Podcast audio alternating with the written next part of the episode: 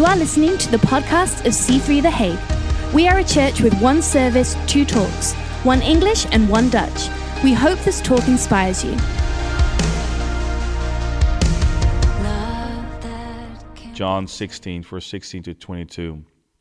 Uh, Jesus says to his disciples, "In a little while, and you will you won't see me anymore, uh, but a little while after that, you will see me again." Some of the disciples asked each other, what does he mean when he says, In a little while you won't see me, but then you will see me, and I am going to the Father? And what does he mean by a little while? We don't understand. Jesus realized they wanted to ask him about it, so he said, Are you asking yourselves what I meant? I said, In a little while you won't see me, but a little while after that you will see me again. I tell you the truth, you will weep and mourn over what is going to happen to me, but the world will, re- will rejoice. You will grieve, but your grief will suddenly be turned to wonderful joy. It will be like a woman suffering the pains of labor. When her child is born, her anguish gives way to joy because she has brought a new baby into the world. So you have sorrow now, but I will see you again. Then you will rejoice, and no one can rob you of that joy. I love that. No one can rob you of that joy. I want to take a moment to pray uh, before we get into this, let's pray. Father, I thank you right now for this moment of Easter where you um, raised your Son from the dead by your Holy Spirit. And we pray right now during Easter for your, the presence of the very same Holy Spirit to help us and to have your peace in our homes, wherever we are watching right now. We thank you for that. Thank you for your word in the name of Jesus. Amen. Amen. This scripture spoke to me, and I and I really love this, and I and I believe um, it will speak to you right now in the season you're in. Hey, let me um, let me first of all um, help uh, help you with a little statement, a, a Dutch saying. Actually, I'm not sure. Um, I don't think many people use this saying in English, but in Dutch, people like to say when something is really tough uh, they would like to say, "Hey, this is like giving birth. Um, it's like it's like giving labor, doing labor." And uh, let me first of all say, it's probably time right now to have a, a agreement um, for men never to use that statement, because let's just be honest. Um, I don't know what it is possibly like to give labor. Um, I cannot imagine. I think, to be quite honest, if it was up to men to procreate and to give birth to uh, babies, um, we would be an extinct species because we wouldn't be able to go through that sort of a thing.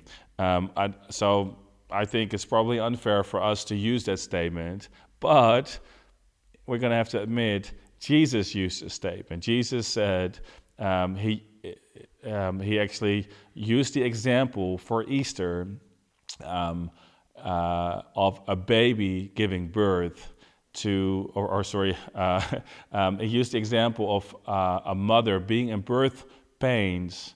Uh, and he said that's sort of like this moment that you will go through uh, during Easter. Um, he mentioned that to his disciples.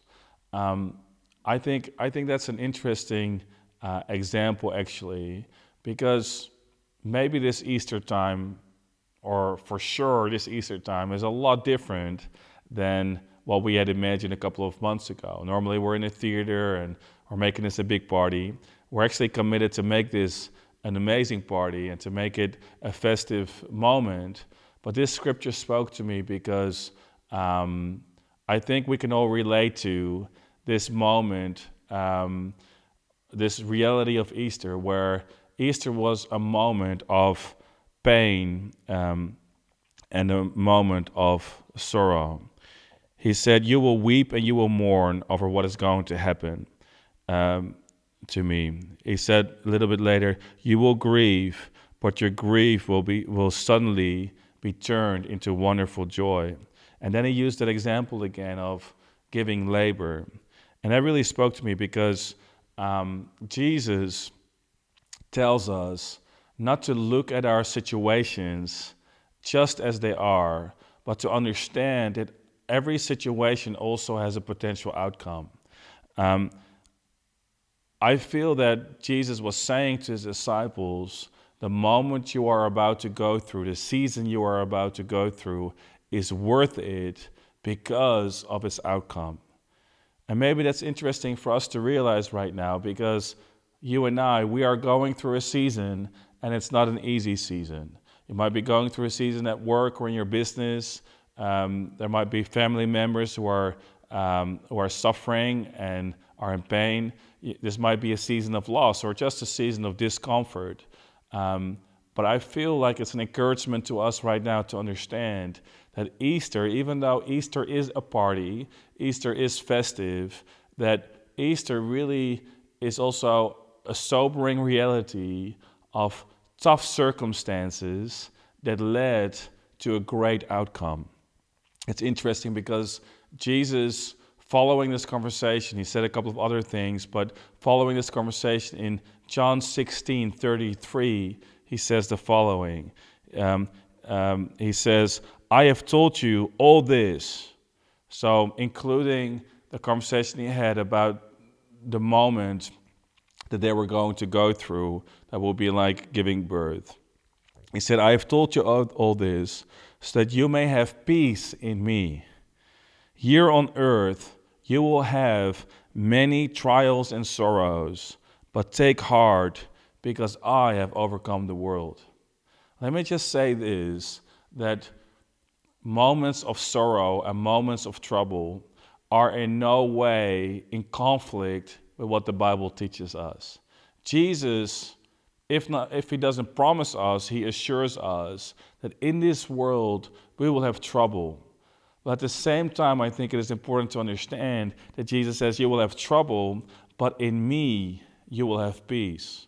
Jesus gives us the ability to have peace in Him in the middle of circumstances that might not even represent that peace that we are looking for in our lives.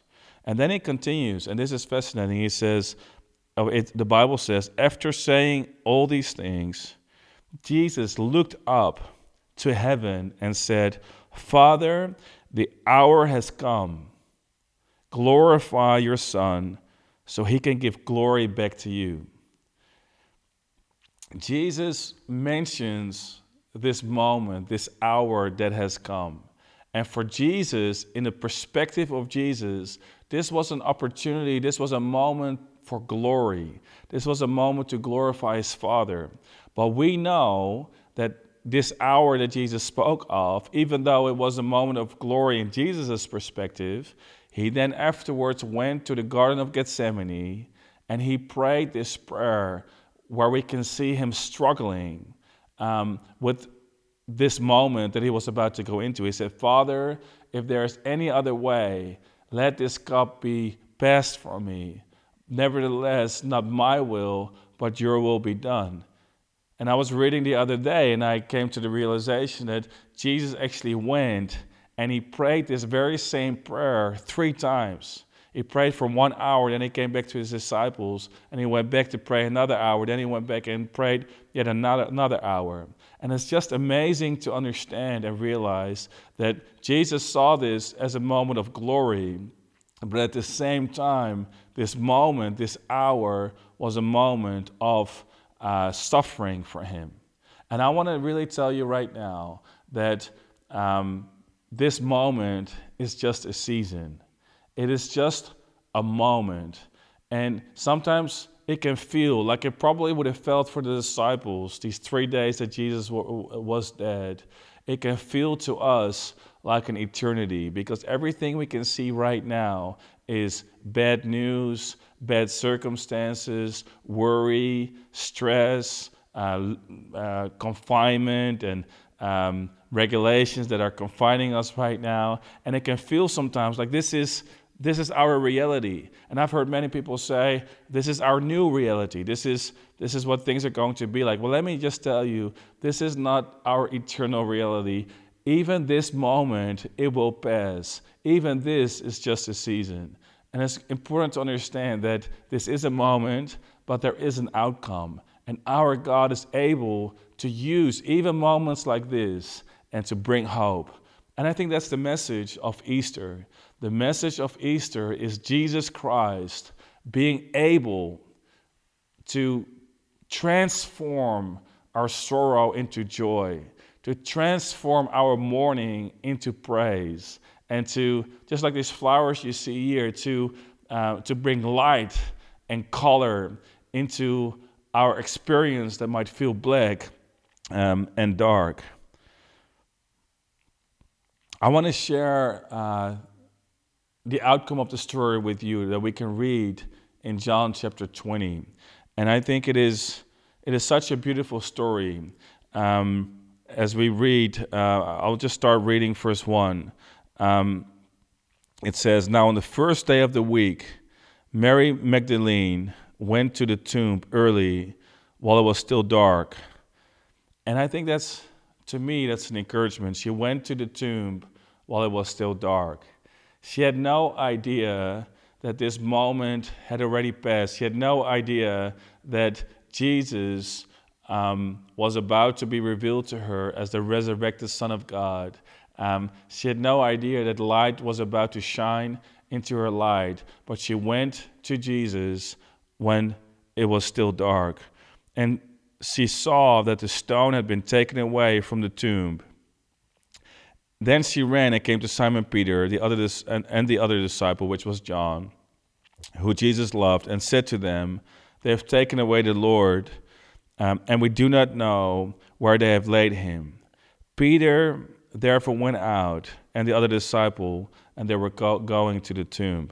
Now we're going to skip a couple of moments, and we're going to go to verse 11, where it says, But Mary stood outside by the tomb weeping. And as she wept, she stooped down and looked into the tomb. And, she saw two angels in white, in white, sitting at the feet, and the other um, sitting at the head, where the body of Jesus was laying. And they said to her, Woman, why are you weeping? She then said to them, Because they have taken away my Lord, and I do not know where they have laid him. Now, when she had said this, she turned around and saw Jesus standing there and did not know that it was Jesus, Jesus said to her, Woman, why are you weeping? Whom are you seeking? And then she, supposing him to be a gardener, which I think is funny, um, said to him, Sir, if you have carried him away, tell me where you have laid him, and I will take him away. Jesus said to her, Mary. And she turned and said to him, Rabboni, which means, which is to say, or which means teacher. I love this because Jesus say, says to her, um, Why are you weeping? Womb, or what are you seeking?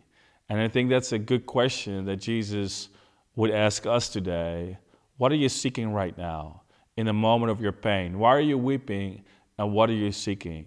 And I think that Easter can be an opportunity this year to seek Jesus and to seek life and I know that the meaning of Easter is that Jesus is able to turn all circumstances. Romans 8:28 says, "Our God is able to work all things for our good."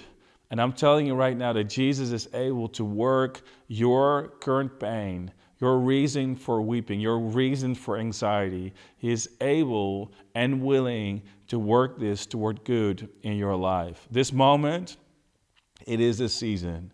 It will pass. Good outcomes will come through our prayers, through us seeking Him. But it's important to seek Him right now, this Easter, and to expect Him in our life. I don't know what your circumstances are right now in your world, but I do know this that today is an opportunity to pray and to believe. Jesus had to um, surrender his will to the will of his Father. And he said, This is an hour, this is an hour of glory, even though it was an hour of pain.